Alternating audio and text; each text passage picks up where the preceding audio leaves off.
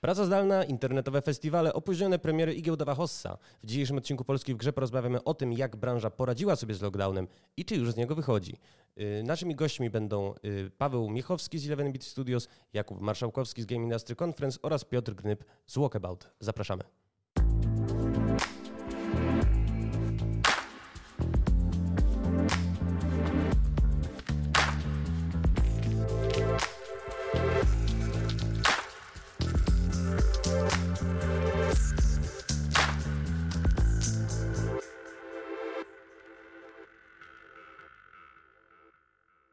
Naszym pierwszym gościem jest Paweł Miechowski, 11 Studios.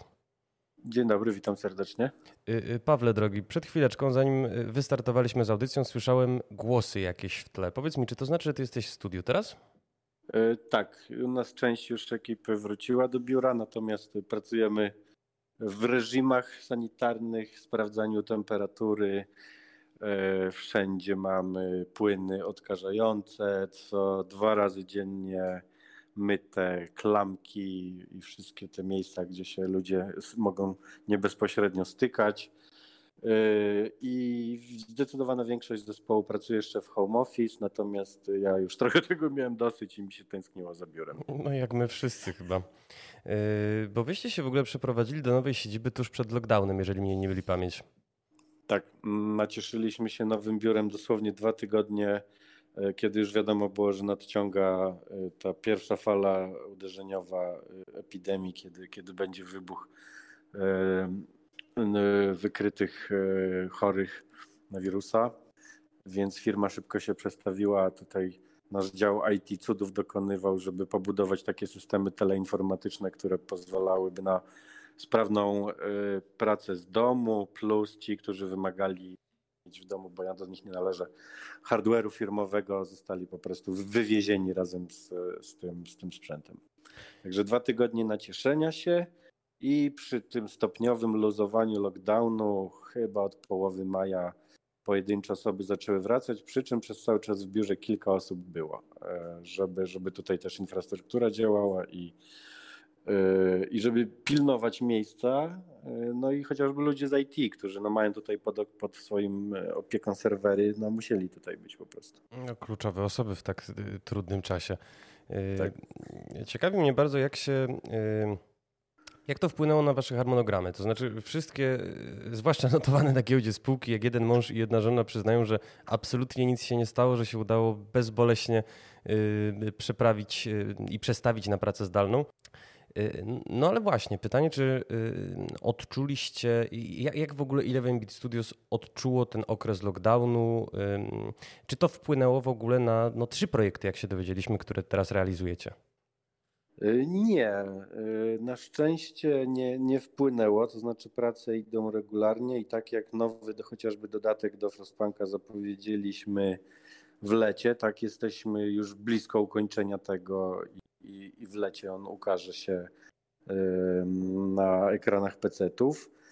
Y, natomiast ciężko mi powiedzieć, jak to odczuliśmy, y, bo jest nas 140 osób, a teraz już 140 kilka, więc podejrzewam, że ludzie, ludzie różne mieli percepcję tego, tego okresu.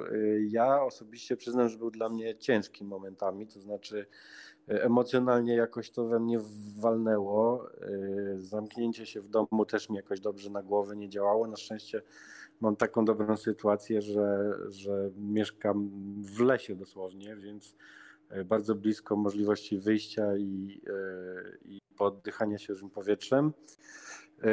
Ale to był początkowy okres, a potem przy jednocześnie lekkim luzowaniu obostrzeń już trochę się przyzwyczaiłem i, za, i, i zacząłem jakoś naprawdę psychicznie normalnie funkcjonować. E, z tego, co gadałem ze znajomymi, to, to trochę każdego to uderzyło w mniejszym lub, lub większym stopniu. Na szczęście u nas nikt nie zachorował i też nie znam nikogo, kto by znał kogoś, kto, kto zachorował. Powiedziałeś, Pawle, że 140 osób, y, no, no, nie wiesz jak każdy zareagował, ty miałeś y, przejścia trochę łatwiejsze z racji dogodnej y, lokalizacji, no i wspomniałeś, że nie wpłynie pandemia w żaden sposób na datę premiery, czy ostatniego dodatka do, do, dodatku do Frostpunka, czy na te wasze trzy projekty, o których jeszcze nic de facto nie wiemy. Gdybyś mi był w takim razie łaskaw wytłumaczyć, bo ja nie wiem, dlaczego się, nie wiem, opóźniły The Dark Pictures, Little Hope, Minecraft Dungeons, Ghost of Tsushima, czy, czy The Last of Us 2? E, nie znam sytuacji tych zespołów, więc mogę tylko zgadywać. Natomiast e, gdybym zgadywał, to powiedziałbym, że po prostu się nie wyrobili w terminie i pandemia nie ma z tym nic wspólnego. E, jeśli sobie przypomnę, jedną z najlepszych polskich gier w historii Wiedźmina 3, to zostało opóźnione na rok, o rok, na długo zanim zaczęto na świecie mówić o możliwych pandemiach wyłączając Billa Gatesa, który o tym mówi od dawna. Grząski grunt. E, więc e, wydaje mi się, że to zwykła e, orka deweloperska, tak, że nałożyła się pandemia na moment, w którym gra potrzebowała jeszcze trochę czasu, żeby być dopieszczoną. Natomiast patrząc na poziom dopieszczenia The Last of Us, była to decyzja ze wszechmiar słuszna, bo, bo ukazała się gra majstersztyk. Y, a The Last of Us 2 nie jest też tajemnicą, jest już w tym momencie oficjalnie najszybciej sprzedającą się grą na PlayStation 4. Spidermana udało się zdetronizować. No i mieliśmy w pandemii parę takich y, no, dużych debiutów. Mam tutaj na myśli przede wszystkim Duma nowego i Animal Crossing. Powiedz mi, czy wyście jako y, no, też wydawca odczuli jakiś wzrost zainteresowania waszymi grami? Yy, tak, wydaje mi się, że w pewnym niewielkim stopniu wzrosła sprzedaż i, e, i ilość jednocześnie grających przez przekrój naszych gier.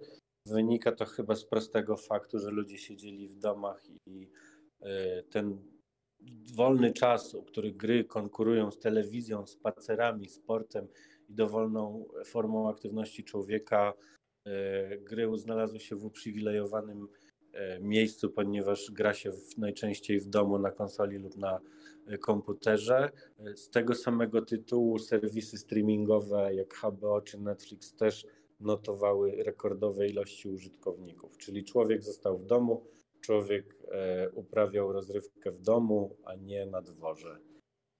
I, I w ten sposób jakby my też to odczuliśmy, natomiast nie chciałbym mówić, że jesteśmy jakby beneficjentem tego, bo E, ja jednak na tą epidemię patrzę w negatywnych kolorach. E, no, dużo ludzi poumierało, dużo ludzi pochorowało, dużo ludzi potraciło pracę, e, więc no, jakiś jest to rok, do którego będziemy wracać w podręcznikach historii jako chyba do nie najlepszego. No nie da się ukryć, że bardzo minorowe nastroje panowały i panują, chociaż e, już dzisiaj słyszałem e, zapewnienie premiera Morawieckiego, że, e, że można iść na wybory, że pandemia wygasa. Natomiast no, spójrzmy też trochę może na jakieś pozytywy. No, spróbujmy odmalować taki obraz bardziej y, zniuansowany, bo nie jest tajemnicą, że w uprzywilejowanym miejscu są w tym momencie, jak powiedziałeś, nie tylko gry, w związku z tego, że byliśmy trochę odcięci od czy turystyki, czy y, jakichś form spędzania wolnego czasu na, na świeżym powietrzu ale też spółki giełdowe, które się grami zajmują. No i tak patrząc na to, co się działo chociażby z wami, no to od marca to były po prostu nieustanne wzrosty, jak chodzi o, o kapitalizację, o cenę akcji. E, I w zasadzie chyba, mm, popraw jeśli się mylę, ale zyskały wszystkie spółki notowane na New Connect i, i GPW zajmujące się grami. Wiesz co, nie wiem. Szczerze mówiąc, nie śledzę wszystkich. E, musiałbyś pogadać u nas z Darkiem Wolakiem który się zajmuje inwestycja, y, relacjami inwestorskimi, bo on ma szeroką wiedzę na ten temat. Nie wiem, gdzieś tam to mi się obiło o uszy, natomiast zdaję sobie sprawę, że nasza giełda to jest taki maluszek, który podąża za światowymi gigantami. Jeśli na Wall Street nastroje są ewidentnie optymistyczne i, i giełda szaleje i leci do góry, to często jesteśmy takim małym lustrem tej giełdy i raczej do tego bym przywiązywał większą uwagę niż do tego, że akurat game dev e, giełdowy e, zyskał na, na tej niezwykłej sytuacji. Jeszcze tak troszkę zapytam o sytuację bieżącą, no bo game dev oczywiście zyskał na tej niezwykłej sytuacji giełdowej, e, ale wyście w poniedziałek zaczęli tracić i to pomimo tego, że no zapowiedzieliście i większy, większe budżety na projekty wydawnicze, których macie w tym momencie cztery bo 25 milionów złotych chcecie przeznaczyć i 60 milionów złotych już teraz wiadomo, że wyniosą budżety trzech własnych tytułów i chcecie zwiększyć zatrudnienie. Ty mówisz, że teraz macie 140, a do końca roku to ma być 190-200 osób. I to są z mojej perspektywy, to znaczy z perspektywy gracza i to takiego gracza PC-owego czy konsolowego, a nie gracza na giełdzie, super optymistyczne informacje. No i pytanie, skąd w takim razie nagły spadek?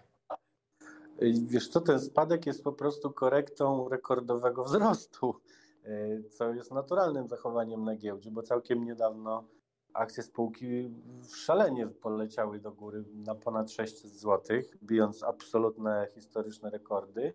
No więc wiadomo było, że ten rekord musi zostać odreagowany i został odreagowany. Y, a kolejne dni są wzrostów. To, to jest giełda, to też są jakieś tam pewne emocje i, y, i ruchy inwestorów, które niekoniecznie muszą mieć y, być reakcją na, na nasze informacje. Mi się, że też przede wszystkim inwestorzy, ci duzi patrzą długofalowo na to, na to co robimy, a, a kurs jest efektem sprzedaży i kupna inwestorów krótkoterminowych. E, natomiast co do informacji na temat samych gier, zauważ, że e, w tym roku nasz pierwszy kwartał był drugim naszym najlepszym kwartałem w historii, co mhm. absolutnie zaskoczyło wszystkich analityków e, i, i przekroczyliśmy jakby oczekiwania giełdowe. Co oznacza, że tam nie do końca zawsze poza, poza growi jakby analitycy są w stanie wiedzieć, co się, e, co się dzieje. E, I mimo tego jakoś te nasze akcje szalenie nie rosły, więc to nie są zawsze skorelowane ze sobą zachowania. Co do inwestycji samych, no tak, duże, wiesz, to wynika z naszej sytuacji finansowej i realizacji strategii czyli, że jedna rzecz to mieć silne zaplecze, żeby, żeby e, mieć święty spokój i swobodę właśnie w inwestowaniu giera. Druga to, że dzięki temu mamy to, to zaplecze i, i będzie to rozłożona inwestycja na lata, zresztą cały czas się dziejąca, no bo projekt ósmy rozwijamy już od dawna, on się okazuje większy, ambitniejszy e, i ciągle nam się rozrasta, ale, ale to jest coś niesamowitego, tylko niestety nie mogę o tym mówić. No, zdaję sobie sprawę. Dodatkowe, tak, dodatkowe gry e, dwóch naszych zespołów osobne i, i pamiętajmy, że ciągle jeszcze jest rozwijany Frostpunk, tak? Tam jeszcze, e, jeszcze nie ma tego ostatniego dodatku z, z Season Passa, jeszcze przygotowanie dodatków na konsolę, ciągle potwornie borykamy się z zrobieniem wersji na Maca, ale wydaje mi się, że ostatnio ważne kroki naprzód zostały poczynione, żebyśmy to wreszcie zrobili. Także przy tej grze jeszcze zespół e, frostpunkowy ma, ma sporo roboty. E, no, co mam powiedzieć, wiesz, ino narzekać, że mamy tak dużo pracy i, i, i super komfort pracy, e, tak bym życzył każdemu twórcy gier. A powiedz mi, bo bici są znani no również z pewnego takiego mecenatu I tutaj nie mam na myśli tylko działalności wydawniczej, ale też wasz e, udział w eventach, e, czy, czy chociażby fakt, że e, no, po odwołaniu GDC byliście jednym z tych kilkunastu studiów, które no, uruchomiło specjalny fundusz, jaki miał zrekompensować chociaż część poniesionych kosztów mniejszym studiom. Powiedz mi, w jakiej sytuacji są w tym momencie małe zespoły? Czy to jest tak rozmawiałem zresztą z Kubą Marszałkowskim swego czasu, który zresztą będzie naszym kolejnym gościem w dzisiejszej audycji. I on mi powiedział, że e, koronawirus jest bardzo darwinowski. Czy rzeczywiście te małe zespoły e, e, no, odczuły go i, muszą się liczyć ze zwolnieniami, czy z no, nawet w skrajnej, skrajnej sytuacji zamknięciami? Wiesz co, aż tak nie jestem w stanie śledzić um, sytuacji. Czy słyszysz mnie? Słyszę bardzo dobrze, wszystko gra. Dobra, a, aż tak nie jestem w stanie dokładnie prześledzić e, sytuacji na wszystkich scenach game devowych świata, ale to, co my obserwowaliśmy, to na przykład to, że wielu y, niedużych twórców, y, którzy miały pojechać na GDC, straciło poprzez to, że no, zainwestowali w bilety, hotele i tak dalej. I to przede wszystkim chodziło w tym funduszu pomocowym, w który, w który się zaangażowaliśmy. E, natomiast bezpośrednie bycie na GDC to nie jest tylko wiedza, ale to są kontakty biznesowe z wydawcami, właścicielami platform e, PS4, Microsoft, które wiele potem tym zespołom ułatwiały i, i to się nie zadziało i, i rzeczywiście powpadały w kłopoty, ale też wydaje mi się, że zgodziłbym się z Kubą Marszałkowskim, że, że że słabsze zespoły niestety mają trudniej i ta sytuacja to uwypukliła, ale nałożyłbym na to przede wszystkim jeszcze filtr e, Indiepokalipsy, czyli olbrzymiej nadpodaży tytułów na rynku, z których niestety jest wiele tytułów średnich. I, I te średnie tytuły w tej zwykłej sytuacji, kiedy jeszcze mogą pojechać na GDC i, i powalczyć o, o kontrakty fajne, y, handlowe czy dojście do platform, y, niestety nie mogły tego zrobić i wirus stał się takim katalizatorem indiepokalipsy i po prostu wzmocnił ten, e, ten proces. Ale nie zmienia to faktu, że olbrzymią nadpodaż tytułów mamy, czy przesaturowanie rynku mamy już od, od iluś lat. Jest, jest po prostu za dużo gier, których ludzie nie są w stanie zagrać, ocenić i sprawdzić. Jakie jest wyjście z takiej sytuacji w zasadzie? Yy, wiesz co, zdanie sobie sprawy z tego, gdzie jesteśmy w świecie, bo Niestety przykra obserwacja moja jest taka, a, a, mamy dostęp jako wydawca do olbrzymiej ilości gier, że trafia do nas e, wiele gier, które są po prostu średnie lub nijakie bez charakteru i które nie mają szans na powodzenie. Natomiast ludzie inwestują w nie oszczędności życiowe i na przykład rok pracy bez dystansu do tego, co robią. Na końcu okazuje się, że niestety gra ma żaden potencjał e, komercyjny i, i spora jest ilość takich tytułów, więc no, trzeba trochę zejść na ziemię, zdać sobie sprawę, nie wiem, poczytać Gama Sutrę, e, po, poczytać e, chociażby w, na, na rodzimym poletku polski GameDev.pl i, i zdać sobie sprawę... Product placement. Ha, ha, ha, dziękuję bardzo. To ja dziękuję. Zdać sobie sprawę, yy, gdzie, gdzie jesteśmy. Wiesz, są super udane gry od zespołów debiutujących, ale większość z nich to, to są po prostu gry przeciętne, które konkurują nie tylko z tymi super udanymi debiutami, ale ze starymi wyjadaczami, jak, y, no nie wiem, podam przykład polskich astronautów, y, bo jest to zespół, który y, teoretycznie ich pierwsza gra, Ethan Carter, to, to był debiut tego zespołu, ale to jest zespół, wykoksowanych wyjadaczy, który, który od dawna robi gry. Jeśli tam nawet trafiali do tego zespołu debiutanci, to i tak już mający niezłą wiedzę i prowadzeni przez bardzo doświadczonych deweloperów. Bo Adrian, lider zespołu, ma gigantyczną wiedzę na temat tworzenia y, gier i ma, i ma wyobraźnię i ważny jest, co robi.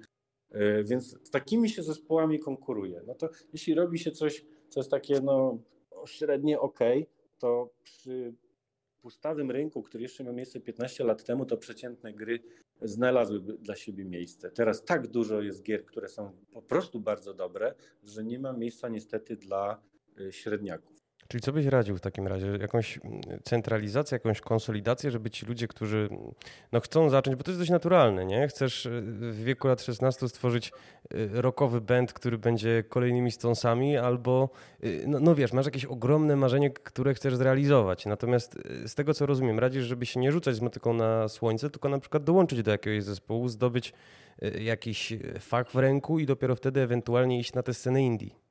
Zdecydowanie. Popatrz na największe gwiazdy, może poza Ramim Ismailem, który, który od początku z Lambir świetnie sobie radził, ale no na przykład Lucas Pope, twórca Papers, Please i Return of the Obra Dinn, jest facetem, który y, projektował gry w Naughty Dogu, jak dobrze pamiętam, y, przez długi czas, więc...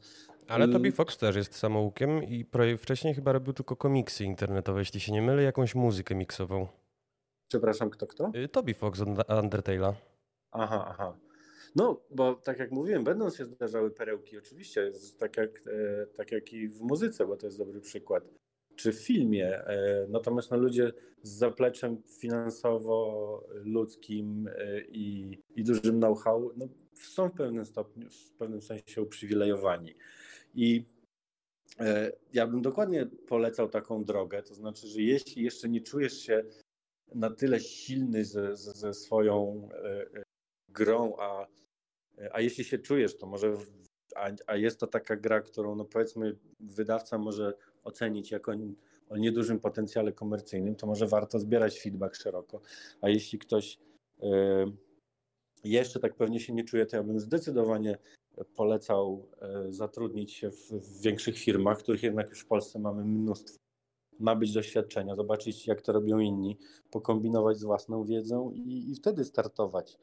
No my na szczęście w naszym e, rodzimym poletku game devowym mamy już mnóstwo zespołów, które, które mają niezłą wiedzę i dobry um, portfel tytułów wypracowanych i, i jest od kogo się y, uczyć. Wiesz, kiedyś nawet taki wśród tych, tych powiedziałbym, weteranów y, game devu polskiego to panował taki dowcip, że przyjeżdżają studenci na konferencję i co robicie, to każdy ten weteran by odpowiedział Y, MMORPG. Tak. Tak, tak. Też słyszałem w bardzo różnych y, wariantach i bardzo przy różnych okazjach. Y, Pawle, bardzo lubię z Tobą rozmawiać, ponieważ zaczęliśmy od pandemii, a wyszliśmy do no bardzo w ogóle szerokiego problemu, który, y, który wydaje mi się, y, no będzie nam towarzyszył również, no i towarzyszył nam przed lockdownem i będzie nam towarzyszył również y, po lockdownie. Naszym czytelnikom polecam na polskim game devie tekst cztery lekcje, które młody twórca powinien wyciągnąć z historii Yes Your Grace, bo to jest dokładnie to. Ja Tobie dziękuję za przemiłą rozmowę, kłaniam Ci się nisko. E, dziękuję serdecznie, pozdrawiam.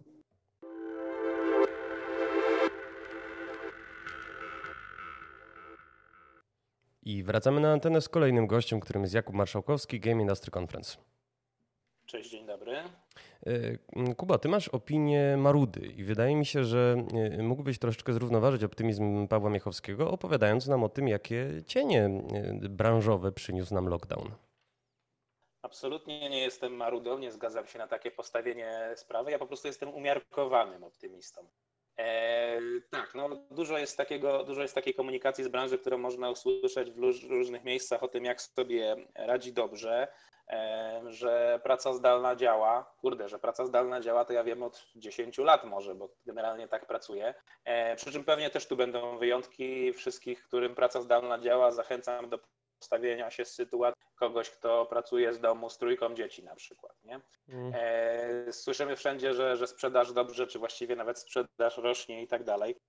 No to są takie rzeczy, które znaliśmy w zasadzie już z poprzedniego kryzysu, tego kryzysu 2008-2012. Branża gier go właściwie nie odczuła. Jeżeli gdzieś wzrosty były wolniejsze, to nawet tego nie zaobserwowaliśmy, więc, e, więc tak, to, to są nadal rzeczy, na które ludzie wydają pieniądze i to działa. E, natomiast to, no nie, też nie wszędzie tak jest różowo. Mam trochę znajomych, którzy wiem, że stracili pracę. Nie w każdym przypadku jestem w stanie wskazać, że jest to z powodu koronawirusa, a inaczej by się nie zdarzyło, bo normalnie ludzie też tracą pracę. E, ale są przypadki, gdzie potrafię to do koronawirusa konkretnie odnieść. A jakie to są studia, jakie to są przypadki? Spróbujmy sobie, jasne, spróbujmy sobie wyobrazić e, sytuację firmy, która jest w edutainmencie, tak? Produkuje jakieś gry, ale edukacyjne. E, szkoły mają zupełnie inne rzeczy do myślenia teraz niż zajmowanie się grami edukacyjnymi, więc e, to tąpnęło, więc firmy no, starają się przetrwać, więc pracownicy, którzy są przyszłościowi, e, ładnie im się dziękuję, a ci, którzy są kluczowi dla przetrwania w danym momencie, próbuje się ich utrzymać i, i, i gdzieś do tego lepszego momentu dobrnąć. E, każda firma, której, e, której związek, gdzie jest jakiś związek między grą a czymś fizycznym, tak? czy to będą jakieś cross-media, czy to będą jakieś gadżety i inne takie rzeczy, to się robi trudno. Nie wiem jeszcze, jak to się skończy, ale słyszę jakieś sygnały i zastanawiam się, czy tak faktycznie będzie, że że będzie dalej ten koronawirus pogrążał tą dystrybucję cyfrową, Jezus, tą dystrybucję e, fizyczną oczywiście, tak? Która cyfro, której cyfrowa cały czas odbiera graczy i cały czas odbiera rynek, ale no to może być takie przyspieszenie tego zjawiska. E, znam jakiś jeden przypadek firmy, która zwolniła absolutnie wszystkich pracowników, spora firma w Ameryce, i nie do końca wiadomo dlaczego. Tak? Być może jakieś trudności związane z koronawirusem okazały się ostatnim gwoździem do trumny w stylu, nie wiem, musieli wynegocjować kolejną transzę finansowania, a e, inwestor nagle zrobił się ostrożniejszy, bo, bo czasy trudniejsze i powiedział, nie, nie, nie, to za duże ryzyko ucinamy. Tak więc te, te przypadki są tak naprawdę bardzo różne. Owszem, większość wydaje się, że że to działa i że to ma sens i że ludzie. A widzisz, jeszcze jedną rzecz mógłbym ponotować, bo pomarudzić, bo e, wskazuje się często, że notujemy wzrost wydajności w tej pracy z domu. W wielu miejscach tak słyszałem. Ja nie jestem zdziwiony. Nagle jest po pierwsze mniej spotkań, które mogłyby być mailem. E, ja tych spotkań zawsze strasznie nienawidzę, ale też jest mniej chodzenia i gadania o, o, niczym, tak? Strasznie nie lubiłem w pracy biurowej w tych momentach, w których je wykonywałem, tego, że ktoś przychodzi i półtorej godziny będzie mi opowiadał o tym, jaki on jest zapracowany i nie ma czasu. A to się dzieje w pracy biurowej, tak? W pracy w domu z tego, tego nie mamy, więc jakieś tam korzyści wydajności pracy mogłyby być, ale z drugiej strony miałbym pewną obawę, czy to nie jest po prostu efekt nowości w wielu już rzeczach obserwowaliśmy, że, że była jakaś poprawa tak długo, jak był to efekt nowości. Cały czas się na przykład mocno czy te wszystkie grywalizacje, gamifikacje, czy jakkolwiek to nazwiemy, czy to naprawdę działa, czy działa tylko tak długo, jak jest efektem nowości, a potem przestaje działać, bo już się drugi raz ludzie na to e, nie, nie, dają tak łatwo namówić. I tego samego bym się zastanawiał przy pracy w domu. Jest jakiegoś trochę entuzjazmu, bo to nowość, czy to za chwilę nie wróci do smutnej normy? To bym się zastanawiał. Pracuję od dawna z, z domu, więc wiem, jakie to jest trudne.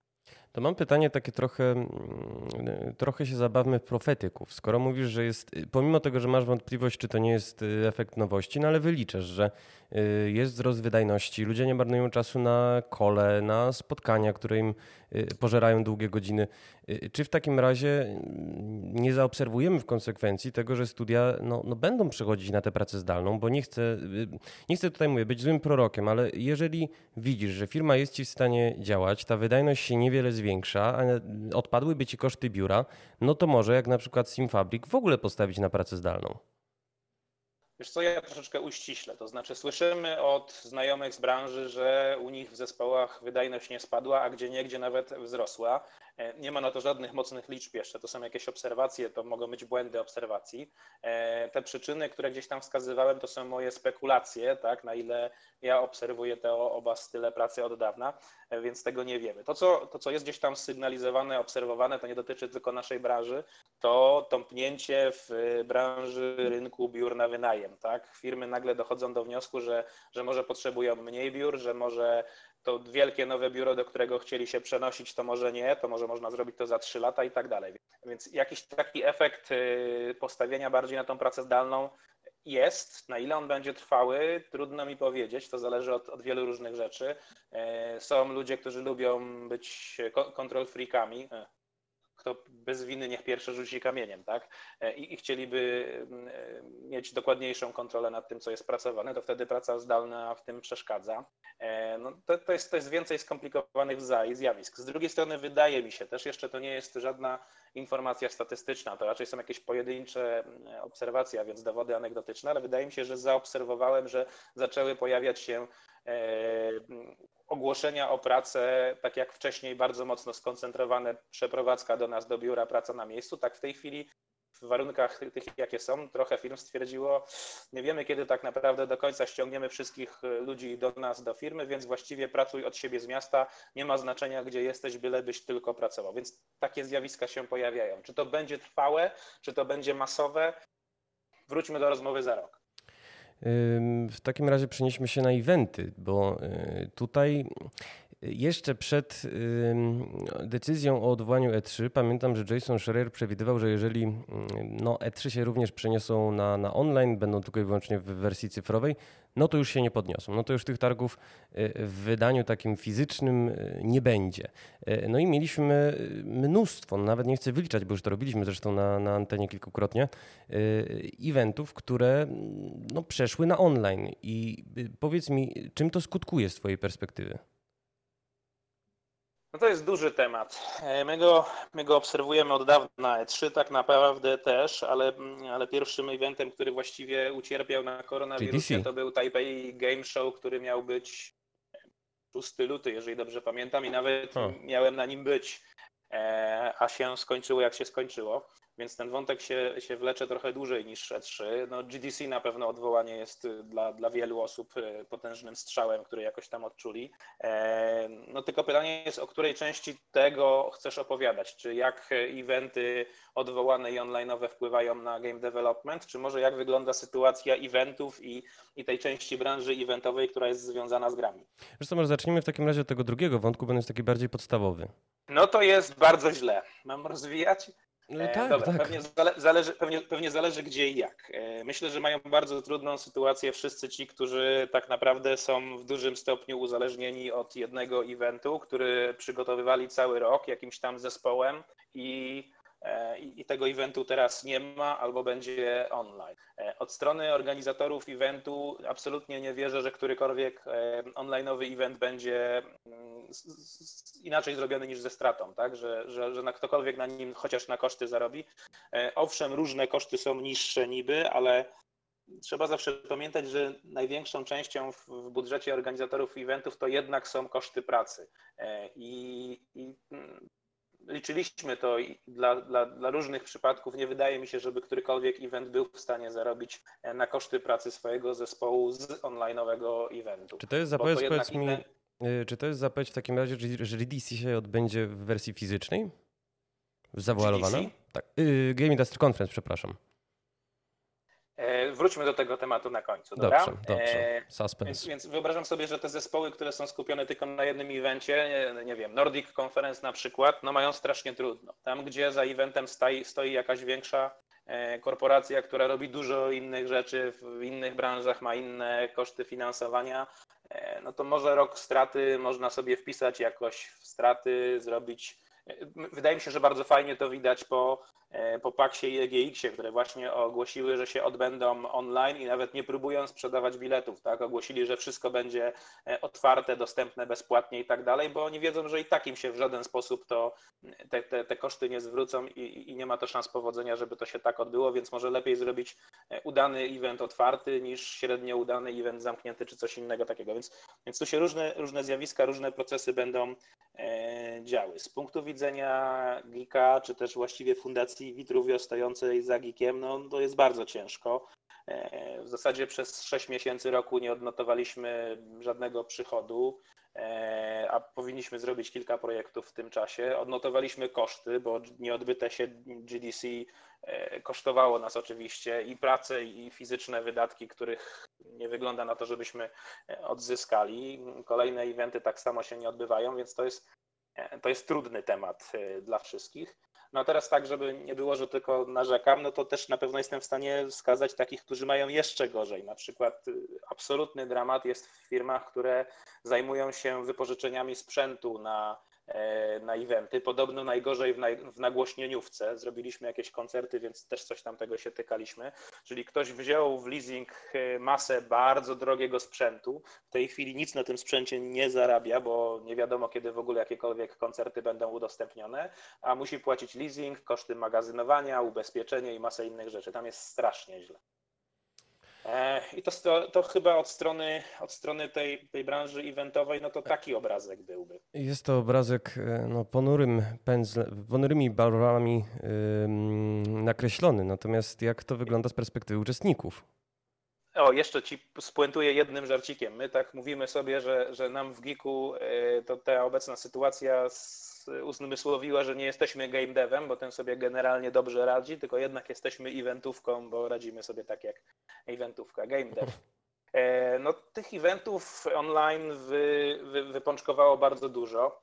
E, znam trochę ludzi, rozmawiamy, oglądamy eventy i tak dalej. Znam trochę ludzi, którzy są do tego bardzo entuzjastycznie nastawieni. Ba, e, właściwie teraz wychodzi na to, że ci ludzie, którzy już w zeszłym roku chcieli na Geeku być, nie przyjeżdżając na Geeka, to oni wyprzedzali czasy. Przecież mieliśmy takie przypadki dużych wydawców, którzy chcieli już na Geeku 2019, żebyśmy wstawili im komputer i kolejni uczestnicy podchodzili do tego komputera i odbywali z nimi spotkanie, a oni sobie nadal będą e, West Coast USA, nie ruszając stamtąd w ogóle zatka. Tak? Słowem prorocy. Jeżeli ktoś miał takie...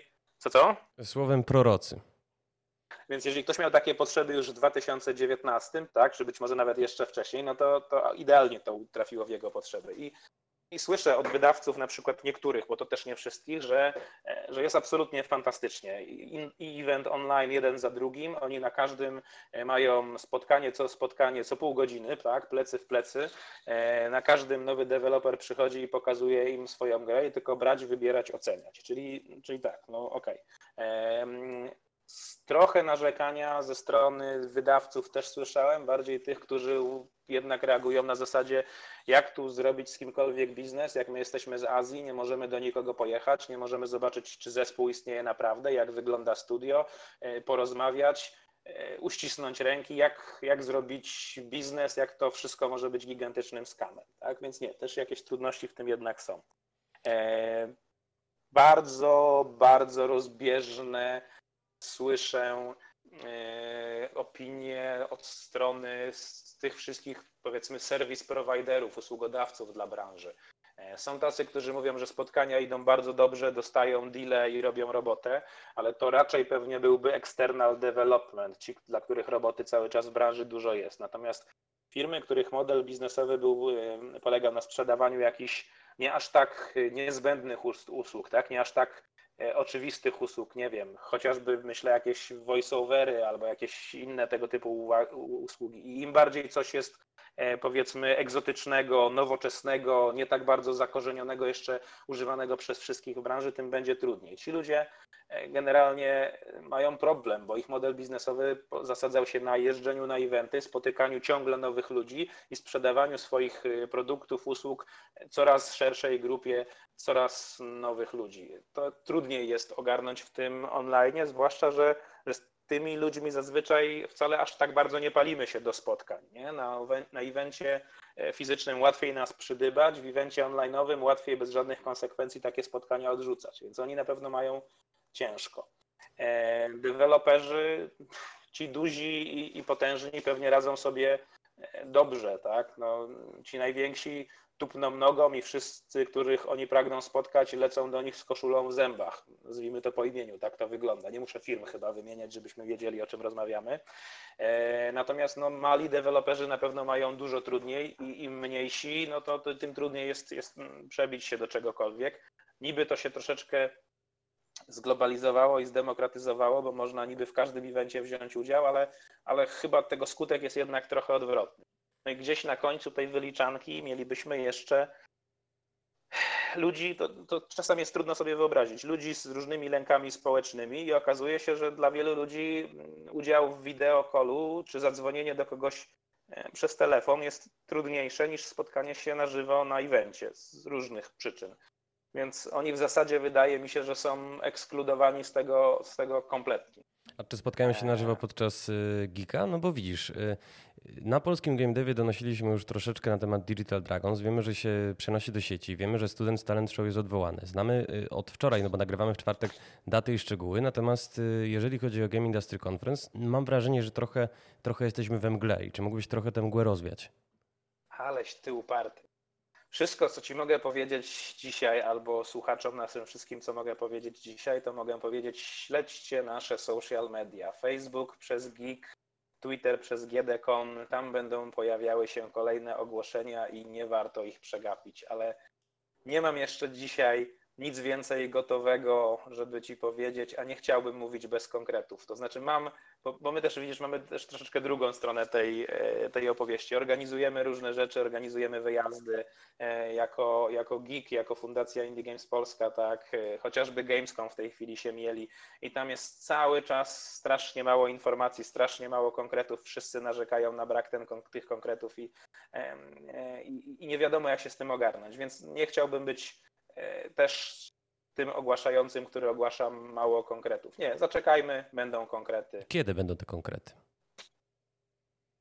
O panie, ja chyba nie będę więcej do ciebie na wykłady, wy, wy, wywiady przychodził, bo jest ciężko. No wkrótce, wkrótce będą. No, nie jest ciężko, no, bardzo przyjazna atmosfera, po prostu nasi słuchacze są bardzo zainteresowani przebiegiem imprezy.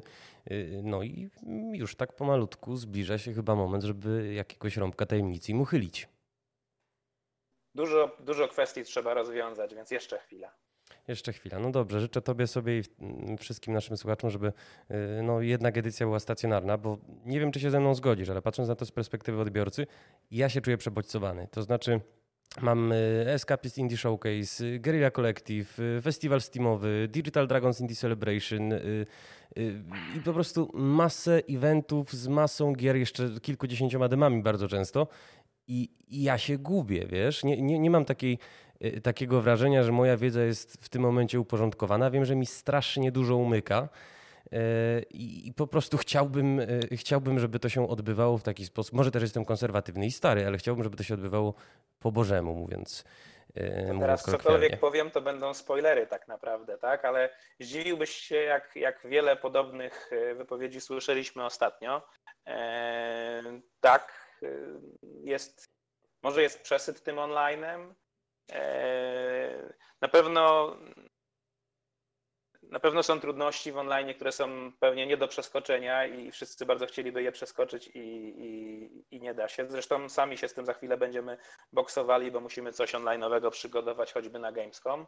E, więc tak, no, widzimy te wszystkie trudności, widzimy te wszystkie ograniczenia i e, no, widzimy jakieś oczekiwania, jakie z różnych stron do nas płyną, ale też wszystko musi być e, objęte bardzo rozsądnym podejściem, tak? bo jednak mimo wszystko sytuacja jest jaka jest. Y, ponieważ wspomniałeś o Gamescomie, mamy niewiele czasu, ale gdybyś mógł króciutko powiedzieć, co Game Industry Conference i Fundacja Indie Games Polska y, planują, jak chcą zapewnić polskim studiom widoczność na obu imprezach? Gamescom, Gamescom to były dla nas zawsze przede wszystkim B2B, e, także dlatego, że B2B e, pomagało spotykać prasę poza spotkaniami biznesowymi. Ta prasa na Gamescomie trochę miała tendencję do unikania B2C, e, ale polskie firmy też się wystawiały same na B2C, być może w tym trochę będziemy starali się w tym roku. Więc powiedzmy mamy takie trzy główne cele do zorganizowania. E, pierwsze cele no to spotkania biznesowe, B2B i tak dalej. To wydaje się, że wybór jest prosty. Byliśmy od dawna przekonani do Meet Tłumacza. E, zresztą współpracujemy z Meet Tłumaczem e, na, na, na wielu różnych polach.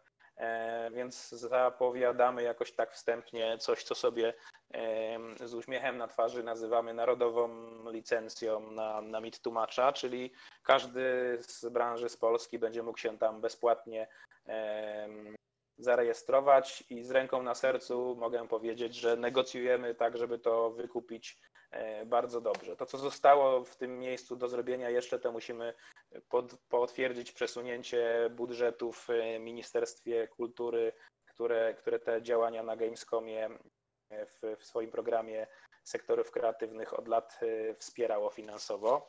Dalej jest trochę trudniej. Chcielibyśmy bardzo zrobić coś dobrego streamingowego, co by zarówno miało jakieś swoje części pomagające polskim tytułom dotrzeć do prasy, bo to jest, to jest trudne, tak? E, jak, jak zorganizować dotarcie do, do prasy dla, dla gier, jak zorganizować jakieś hands-ony, tak? Jak zorganizować jakieś zamknięte pokazy. No zastanawiamy się nad tym wszystkim, konsultujemy to z kilkoma partnerami, e, patrzymy, co jest tak naprawdę w tych ofertach Gamescomu, ale tam jest ciągle brakuje różnych odpowiedzi i na to wszyscy narzekają, więc no będzie jakiś event streamingowy, ale jeszcze cały czas mamy kilka różnych kierunków, w których y, budujemy to i dopiero na koniec będziemy wybierali ten jeden słuszny, więc nie, nie chcę jeszcze mówić dokładnie, mm, co to będzie. No będą jakieś tam inne drobne jeszcze działania. Na pewno możemy polecić z Gamescomu w tej części Gamescomu wyznaczonej jako B2B, jako biznesowa, czyli w, w Devcomie jest konkurs na gry indie. E, na pewno będzie ciasno, bo tam jest 60 e, slotów tylko, chociaż na ile rozmawialiśmy z organizatorami, to mówili, że jeżeli będzie bardzo dobra selekcja, to być może ją trochę powiększą. Z drugiej strony oczywiście powiększenie tej selekcji to trochę mniej widoczności dla każdego z tytułów, ale, ale tam jest dobra oferta, wydaje nam się i kwotowo, i, i w tym, co jest e, oferowane tym tym, tym deweloperom i, i, ma to długi sens. Więc zachęcam, zgłaszajcie się. Mamy tam dobrą historię dużej liczby kwalifikujących się polskich projektów, więc głęboko liczę na to, że, że będzie to wyglądało dokładnie tak samo e, w tym roku. No, przeglądamy jeszcze kolejne, kolejne opcje. Dużo jest na razie opcji płatnej promocji, ale nie, nie, zdradzę chyba żadnej tajemnicy, bo te różne pakiety fruwają po świecie dosyć szeroko, ale kilkadziesiąt tysięcy euro za 30 sekund streamingu to nie jest coś, z czym jesteśmy w stanie cokolwiek sensownego zrobić. Tak? No ja jestem w stanie streamować Więc na polskim gameplay za znacznie mniejsze pieniądze. No właśnie, więc cały czas szukamy jednak tych opcji bardziej nawiązania gdzieś jakiejś współpracy niż zapłacenie jakichś pieniędzy, których nie mamy zresztą, tak, za jakąś tam ultra krótką obecność w, w Steamie. Ale mamy dobrych partnerów, zawsze dotychczas to do, do, dowoziliśmy, więc jestem przekonany, że, że dowieziemy i tym razem. No to jest taka trudność jeszcze może trochę jedna z, też z tymi online'owymi e, wydarzeniami. E, wszystko w nich się dzieje bardzo późno. Jak w eventach fizycznych rzeczy dogadywało się dużo wcześniej, sprzedaż biletów odbywała się dużo wcześniej i tak dalej, to, to w online wszyscy spychają wszystko na, na ostatnią chwilę. Więc jeżeli mamy przyzwyczajenia, że, że jest lipiec i dużo rzeczy z Gamescomem powinno być już dogadanych, no to nie, ponieważ to jest online, to to nie działa. No my natomiast zepchnęliśmy na ostatnią e, możliwą chwilę pożegnania, bo już trochę czas nasz antenowy przekroczyliśmy. Bardzo Ci Kuba dziękuję za e, no, dziękuję. wnikliwą i długą analizę tego, co się z grami wideo dzieje podczas, e, podczas pandemii, co się dzieje z eventami podczas pandemii. Moim Państwa gościem, przypomnę, był Kuba Marszałkowski, Fundacja Indie Games Polska, Game Industry Conference. Dziękuję, do usłyszenia.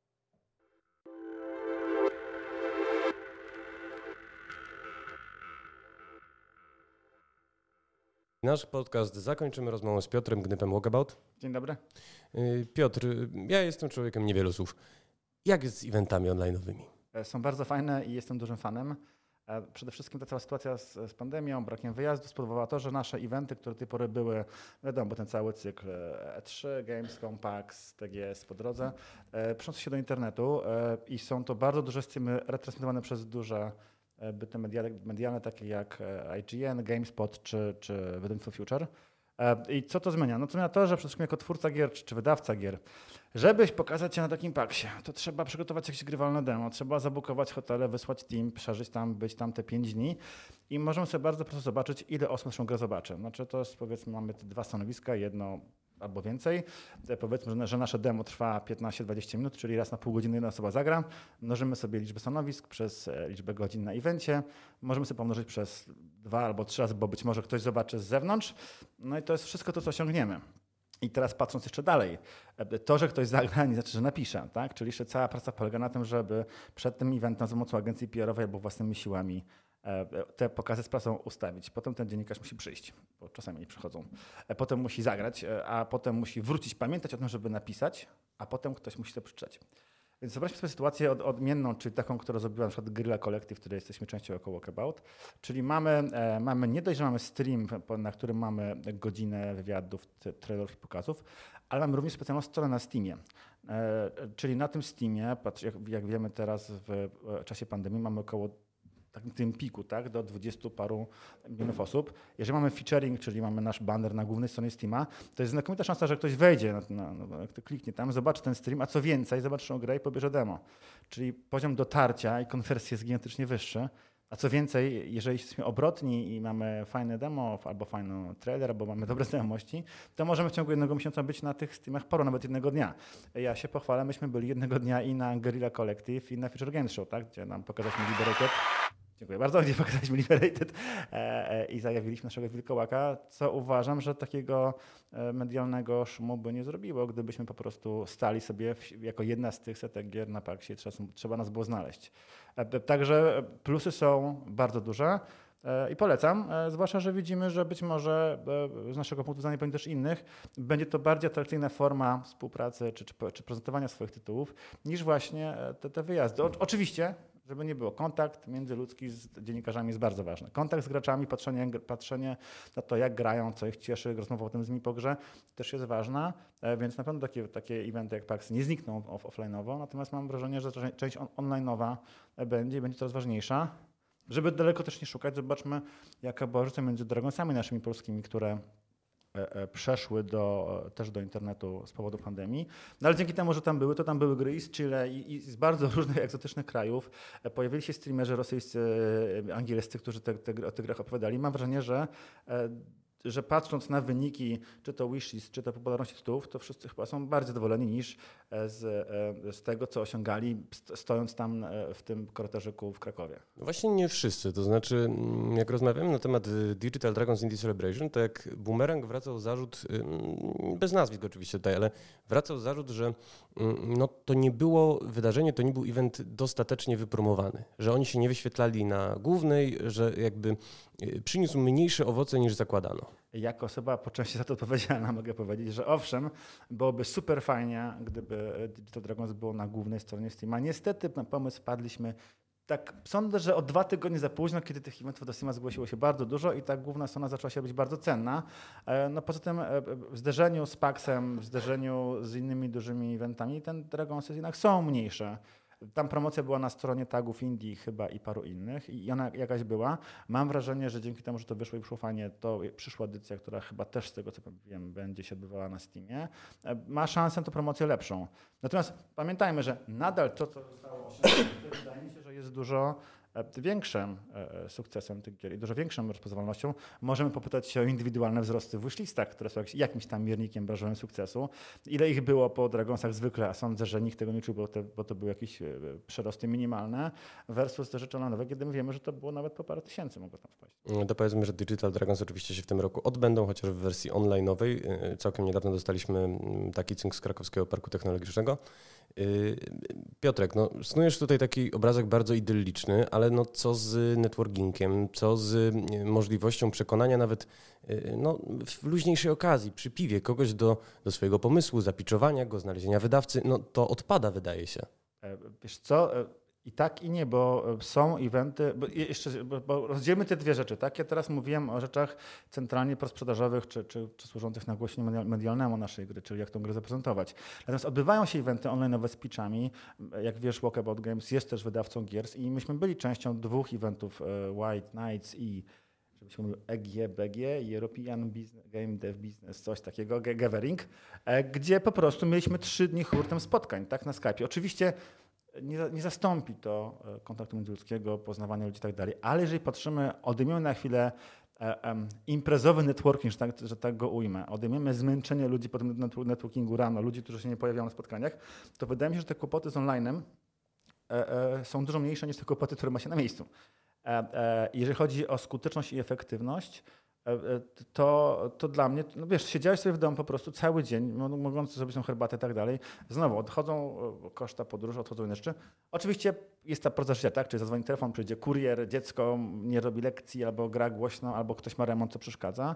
Jednak mimo wszystko może że ta skuteczność tego, albo e, e, przemiał, który możesz mieć, jest większy. E, i mam, mam wrażenie, że chciałbym mieć finalnie, jak się ogarniemy z tą pandemią, taką hybrydę. Tak? Część, część takich eventów poświęconych stricte networkingowi, czyli jedziemy, gadamy przy tej kawie wieczorami, tak, i umawiamy się, dogadujemy. E, ale, ale takie rzeczy, na przykład jak pierwszy kontakt i, bo, no bo co my możemy w te 20 minut tego, tego slota na, na, na pitch grę, tak? Człowiek, opowiada o, o, grze, pokazuje tę grę, ale i tak ta gra musi finalnie u nas wylądować, tak? My musimy nią zagrać, musimy ją ocenić, zobaczyć pitcha, przylecieć fundusze i dopiero potem ten drugi kontakt, który mamy, już jest taki bardziej dokładny. Słuchaj, przydać tą pierwszą jakby warstwę weryfikacji, e, e, e, pogadajmy teraz bardziej personalnie. E, a że, mówiąc to wszystko, dobrze wiemy, że jakby nie unikam kawowych spotkań, tak, jakby tak, tak to ująć na, na eventach. I są one, one ważną częścią tej branży, ale wydaje mi się, że ta część nowa naprawdę nadrabia.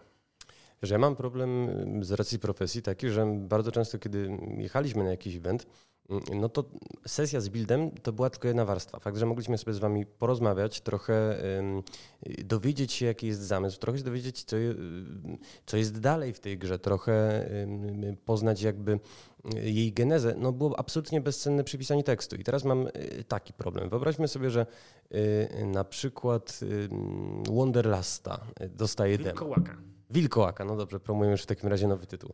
To jest, y, wydaje mi się, taka produkcja, przy której no powinien ze mną, y, nade mną ktoś stać, ze mną rozmawiać, y, bo trudno go nawet, wiesz, zareklamować, trudno przekazać, co to jest w jakiejś bardzo krótkiej sesji z buildem. Wiesz co, zrobiliśmy to, żeby nie było. Oczywiście nie były to warunki targów, ale mieliśmy ten problem z Liberated, e, że kiedy jeszcze nie mieliśmy certyfikacji e, na nasze wersje demo na Switcha, a chcieliśmy pokazać medium Nintendowych, to po prostu zrobiliśmy stream, taki normalny Discord, stream na Discordzie prywatny dla, dla bodajże to było Nintendo Sub, kiedy byli ludzie na czacie, oglądali grę, pytali się o grę, jeszcze udowodniliśmy, że gramy na żywo, czyli co mam zrobić, lewo, prawo, skoczyć, pokazać mi, co robimy. Po czym były pytania, na które odpowiedzieliśmy, także to da się to zrobić. Tak, tak jak mówię... Odpada mi zupełnie ekskluzywność, to znaczy ja poluję właśnie... Pokaz był tylko dla Nintendo Sub wciąż, kiedy y, y, wiesz, miałbym ten pokaz prywatnie, rzeczywiście poświęciłbyś mi pół godziny, to ja bym się czegoś dowiedział, co byłoby wartościowe dla mojego medium konkretnie, czego potencjalnie. To, to się dokładnie wydarzyło, nie było żadnej, żadnej różnicy poza siedzeniem razem w jednym pomieszczeniu w innym kraju. To, to była ta jedyna różnica. No i mówię, super fajnie jest, jak, jak nas stać i możemy wszędzie jeździć. E, większe wydawnictwa, e, większe, większe teamy pewnie stać na wyjazd na, nie wiem, tych pięć targów w ciągu roku, tak? Czy jak patrzymy od marca, to nawet może być i 8, a pewnie 10 i 20. E, oczywiście wtedy zwiększamy sobie e, tą liczbę odbiorców, zwiększamy liczbę mediów, graczy, ale nadal to jest nieporównywalne z tym, co możemy osiągnąć, zgłaszając się na poszczególne streamy internetowe, gdzie ta gra jest pokazywana, a jeżeli do tego streamu dochodzi jeszcze strona e, sprzedażowa na Steamie z naszym demem albo naszym Steamem z gry, no to już w ogóle osiągamy to, czego żaden inny event wcześniej nie dał. Powiem Ci więcej, znakomita część teamów, które jeździły na, na różne targi, bo te featureowanie przez Steam targów nie zdarzyło się od wczoraj, tylko było również w trakcie offline'owych wydarzeń, to część, częściowo wybieraliśmy te eventy, żeby jechać właśnie po to, żeby mieć ten featuring. Tak? Czyli z jednej strony masz pokazy dla prasy, ale z drugiej strony ludzie klikają sobie te gierki, które są i te wishlisty ci rosną na Steamie. Hashtag synergia. Yy, innymi słowy, upatrujesz... Yy, Upatruję skrócenia, skrócenia drogi do odbiorcy, czyli twojego klienta. To jeszcze będę miał zaraz inną tezę, bardziej kontrowersyjną. Ale tak jak mówię, e, e, Taka droga targowa to była prosta, czyli umawiasz się na pokaz z dziennikarzem na targach, dziennikarz musi przyjść, musi zagrać, musi wrócić, musi napisać, ktoś to musi przeczytać, po czym musi wejść na tego Steama czy na platformę sprzedażową i tą grę albo dać do wishlisty, albo kupić. Tutaj ogląda sobie bezpośrednio stream z tej z gry, e, albo widzi jej trailer, widzi, że jest albo nie ma demo i dodaje do uścisku. No tych kroków jest kilkakrotnie mniej, także, a dobrze wiesz, że od, odpadnięcie klientów na każdym kroku przejścia jest gigantyczne, tak? No tracisz pewnie kilkadziesiąt procent ludzi w, w ten sposób. Wiesz, zupełnie pragmatycznie patrząc, to mi się ta zmiana nie podoba z bardzo prostej przyczyny, no bo to faktycznie skracasz drogę do klienta, ale pomijasz bardzo istotny w tym łańcuchu y, ogniwo, czyli nas, dziennikarzy. No, mam wrażenie, że tak jak gry są coraz tańsze, tak, i też to wiemy, i tak jak widzimy, że jest mało tych dziennikarzy od gier mobilnych, e, tak, bo po co, jak kosztują po dolara, tak samo te gry indie i tak dalej. No coraz mniej potrzebujesz dziennikarza, coraz bardziej potrzebujesz ratingu w sklepie albo dobrego nagłośnienia, bo sobie tę grę sprawdzisz. Tak, tylko czy to w takim razie nie skutkuje tym, że mm, y, no, mimo wszystko dochodzi do jakiejś pauperyzacji tego, co robimy. I mówię dochodzi dlatego, do że... tego, że nie sprzedajesz, to jest teza kontrowersyjna, możemy jej bronić, że nie sprzedajesz e, gry graczowi, tylko algorytmowi. Mhm. Wszystko, co robią wydawcy gier czy twórcy, którzy są na sklepach, to jest, e, to jest współpraca, współpraca z algorytmem. Jeżeli algorytm cię doceni, twoją grę kupi, to ją wypromuje, ona się sprzeda. Jeżeli algorytm jej nie pokocha, no to sorry, ale będziesz jedną z wielu e, perełek, których nikt nie docenił e, później. W związku z czym, jeżeli my i tak handlujemy algorytmem tej gry, bo i tak liczy dla nas się pozycja na Steamie, E, I wszystko, wszystkie akcje, które robimy tak naprawdę, jeżeli wydajemy się na PC, to oczywiście, to, to, jest, to, jest nasza, to jest nasza widoczność na serwisie Steam, Epic czy, czy, czy innym sklepie, na który, na który stawiamy, to im bardziej inwestujemy nasze środki w bezpośrednie działania, które zwiększą to widoczność na, tej platformie, tym lepiej. Bo do tej pory, no tak, no dziennikarz miał ci napędzić ludzi... Okej, okay, tylko nie, właśnie widzisz, bo ty myślisz kategoriami y, algorytmów i kategoriami sprzedaży. Y, y, natomiast odbiorca, ja jestem też odbiorcą gier wideo od lat dwudziestu kilku i dla mnie pewnym wyznacznikiem był jednak dziennikarz, który był mi w stanie z racji tego, że jest w stanie osadzić grę w pewnych kontekstach, czy, czy historycznych, czy kulturowych, czy porównać ją na tle y, no, innych tytułów w gatunku, tłumaczył mi, jeżeli to było dobre nazwisko, jeżeli to był krytyk, który znał swój fach, tłumaczył mi, co jest dobre, co jest złe. Ja też wzrastałem jako odbiorca, bo wiedziałem, na co zwracać uwagę. Pytanie, ilu z krytyków, a ilu jest ludzi, którzy po prostu robią ci opisy produktów na sklep, na, tak, na e-commerce. Z epitetami, no tak. Mam wrażenie, że, że część, dziennik, część ludzi, którzy piszą o grach, zajmuje się generalnie tworzeniem fiszek produktowych, przypisując informacje, które my piszemy wcześniej, tak? No, które my piszemy wcześniej i podajemy. One są przetwarzane i puszczą. Natomiast takie prace krytyczne o grach są są rzadkie, są cenne, ale rzadkie. I też to, że odwróconej kolejności, czyli ja zobaczę jakiś produkt w sklepie, czy, czy na streamie, czy, czy pomówmy w sklepie, tak? I dopiero potem poszukam ewentualnej opinii krytyka na tym produkcie, czy mam go już na wishliście, teraz sprawdzę, czy, wiem, że go chcę, to sprawdzę, dlaczego, co o nim sądzą inni. Jest e, po prostu prawda, odwróceniem konści dziobania, czyli już media nie są e, tą tubą markę propagandową, ale są tym, czym powinny być, czyli dostarczycielem wiedzy tak, o produkcie. I wydaje mi się, że to jest zdrowsza sytuacja niż traktowanie dziennikarzy czy mediów jako tuby reklamowej. Tracą funkcję kreacyjną, no bo dziennikarze byli w stanie wypromować bardzo wiele tytułów i to... Yy... Ale teraz mówisz o latach 2000, bo od kiedy pojawili się youtuberzy, to dziennikarze i rola mediów bardzo spadła, ponieważ to youtuberzy i streamerzy mają ten rząd dusz. Tylko to jest też bez sensu, bo youtuberzy czy streamerzy, czy powiedzmy nawet szerzej influencerzy, y, bardzo często są e, czy opłacani przez wydawcę, czy jakoś kuszeni na rozmaite sposoby. Z mojego doświadczenia, a robiłem tych promocji kilka, wszystkie materiały, które były przez opłacone, były oznaczone i youtuberzy bardzo pilnują i mówią, możemy zrobić prezentację tej gry za tyle pieniędzy, możemy zrobić krótką reklamę w trakcie pro, pro, programu za tyle pieniędzy, koniec, kropka. E, wydaje mi się, że to, co jest siłą każdego youtubera, e, streamera, może nie medium, bo, bo E, widzisz, bo to jest taka gradacja, tak? Czy wiadomo, że media jako, już jako instytucje są sprzedajne i, i, i, i, i można nimi manipulować, natomiast, natomiast takie chłopaki z sąsiedztwa, to były właśnie youtuberzy i streamerzy, tak? To oni muszą bardzo, bardzo dbać o tą reputację, że są niezależni, że są nieopłacani i tak dalej, bo, bo nie mam wtedy zaufania. Czekaj, uściślimy. Mówisz, media są sprzedajne? To jest... Media są sprzedajne, ponieważ są podejrzewane o to, bo było wiele afer, zapłacili im i tak dalej. Wasza... Ale jak, jakie afery? To znaczy, no, szczerze. No, ostatnio to pamiętam, to, czekaj, bo teraz nie, nie, spierajmy się o fakty, bo tylko o, o powszechną opinię. Tak, tak ale... Mówimy o Kane właśnie... Lynch, tak? Zapłacili, za, zapłacili im. Ile tak? lat temu? Nieważne, ale, ale tak jak patrzysz na ogólnie media, czy to telewizja, czy, czy to tygodniki, są podejrzewane przez każdą ze stron, że są nieszczere, bo służą komuś, tak? tak? Sprzedali się, opłaceni, media nasze tożsamościowe, jedne i drugie, tak? to, to wszystko nie budzi zaufania do instytucji mediów starego typu. Natomiast teoretycznie te młode, młode media, tak, czy młode wilki social mediów, TikToka, YouTube'a i Steama mają być tymi chłopakami sąsiedztwa niezależnymi, którzy sami wyrastają i też po części zobaczyć, jest to prawda, że taka droga, e, e, e bardzo mało dziennikarzy wyrosło razem, znaczy zbudowało redakcję. Raczej do, dołączyli do dużych, do dużych publikacji i wtedy stali się znani, tak? bo pisali dla znanego medium. Tutaj przy YouTube i przy streamie musisz sam sobie zbudować tą, tą, tą publikę, sam sobie zbudować tą rozpoznawalność i generalnie rościsz na własny rachunek. Nie ma Ale tak, idziesz że... w dół, to znaczy jeżeli chcesz zbudować rozpoznawalność szeroko, no to zazwyczaj nie trafiasz do jakiegoś wyspecjalizowanego grona, które miałoby jakieś kompetencje komunikacyjne czy poznawcze, tylko wrzeszczysz, machasz łapami, mówisz y, komunały, y, nawiązujesz do jakiegoś, nie wiem, do, do, do swojego życia y, osobistego, żeby uczynić ten taki materiał bardziej down to earth. Y, wiesz, brakuje mi w tym wszystkim takiego trochę... Brakuje ci etosu krytyka i odium, odium elitarności mediów. No, Senevrati, no, sorry, no, czasy minęły, czasy się zmieniły. Więc więcej mówię Ci, z tym, że gry są bardzo powszechnie dostępne, są coraz tańsze, większość ma rzeczy demo, są wyprzedaże, które, których te gry kosztują po kilka, kilkanaście, kilkadziesiąt złotych, sprawiło, że po prostu warto poczekać. I ta opinia, czy ta gra jest dobra, czy zła, jak ona kosztuje 20 złotych, czy 10, czy w zależności od portfela oczywiście, czy nawet, czy nawet 50, już nie jest tak ważna. Ale moją walutą jest czas, to znaczy ja, wiesz, nie jest dla mnie problemem rzucić 10, 15, 20, 30, 40, 50 złotych za grę, ale chciałbym się dowiedzieć, czy y, y, warto zainwestować w nią czas. No ale to pierwsze kilkanaście minut albo demo ci o tym powie tej gry. To już nie jest tak, że zagrasz w grę i musisz ją skończyć. Nie powie mi czasem. Jeżeli mam jakiś tytuł narracyjny, yy, który powiedzmy, że... Ja ci tak, kiedyś jak słyszałem, że Bitraliat Condor się rozkręca w 30 godzinie, to grałem te 30 godzin. Ale to, co, że, jaka gra? Bitraliat Condor. Mhm. E, teraz to wiesz, no masz te 15 minut czy, czy 10 minut na skupienie uwagi, zapanie klienta, jak nie, to spadaj. Poza tym Steam ma zwroty, tak? Nie podoba ci się gra, dajesz, kupujesz kolejną. Więc te wszystkie mechanizmy komersowe po prostu mówią, nie musisz o tej grze, nie, nie, nie. ja napisałem jakiś taki tekst, że już nie ma graczy, bo każdy jest graczem, z czym byś mówił, że jesteś kinomanem albo melomanem. Oczywiście mhm. są takie, ta, takie osoby, ale nie mówisz sobie, cześć, jestem melomanem, tak? E, e, e, mam wrażenie, że granie jest na tyle powszechne, że, że robi to każdy, że każdy mniej więcej wie, wie, co lubi, ma jakieś tam w tych grach rozpoznanie, a co więcej, to, że może tą grę sobie zawsze pobrać i zawsze ją zwrócić, mówi, że e, jeżeli nie jestem naprawdę hardkorowym fanem w grach wideo, to może nie muszę czytać 400 artykułów, zanim się zdecyduję, czy zagrać w nowe Call of Duty.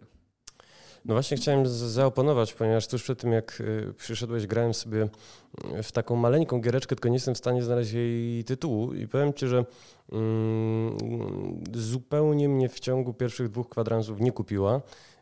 Y, natomiast poczytałem sobie trochę relacji krytyków i jakby dowiedziałem się, że powinienem czekać, że powinienem chłonąć tej atmosferę i po godzinie rzeczywiście wyłoni mi się taki obraz, który... Nie uważasz, że jeżeli ta gra ci tego nie przekazała, to to jest może nie najlepsza gra?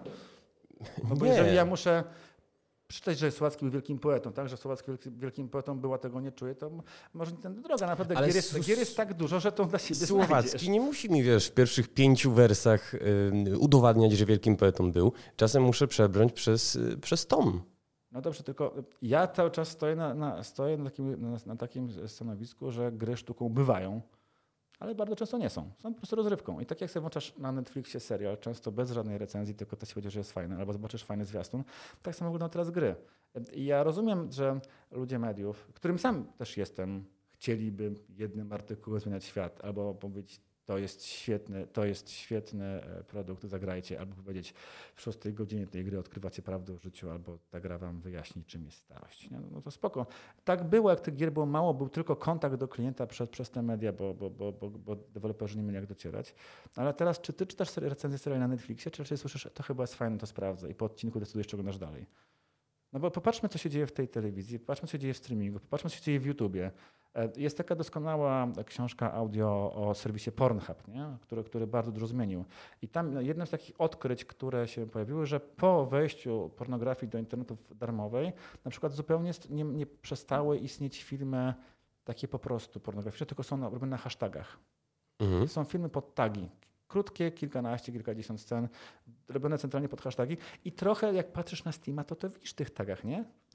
Indie, single player, dark, atmospheric. To dla mnie, biorę, takie, tak. I po tych, po tych tagach sobie tych gier szukasz.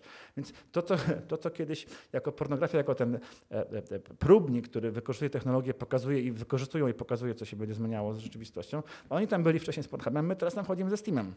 Gry pod tagi. Jakie, jakie chcemy robić gry? Open world, coś tam, coś tam. Albo, albo wręcz wydawca, który patrzy na grę, patrzy sobie na te tagi, patrzy, co się sprzedaje, jakie tagi się sprzedają, jakie tagi performują, jakie osiągają wyniki i na tej podstawie podejmuje decyzję, którą grę, którą grę e, dewelopera weźmie do wydawania, tak? Bo patrzy, te gry mają szansę, to, to, to gry, e, te ludzie chcą grać. Więc ja mówię, my żyjemy w świecie, którym sprzedajemy gry algorytmom. Jest to bardzo gorzki wniosek na koniec, przynajmniej z mojej perspektywy. E, moim i Państwa gościem, który opowiedział nam bardzo zajmująco o festiwalach e, internetowych, o e, Steamie, o kryzysie dziennikarstwa oraz o pornografii, był Piotr Gnyb Walkabout. Dziękuję bardzo. Ja również.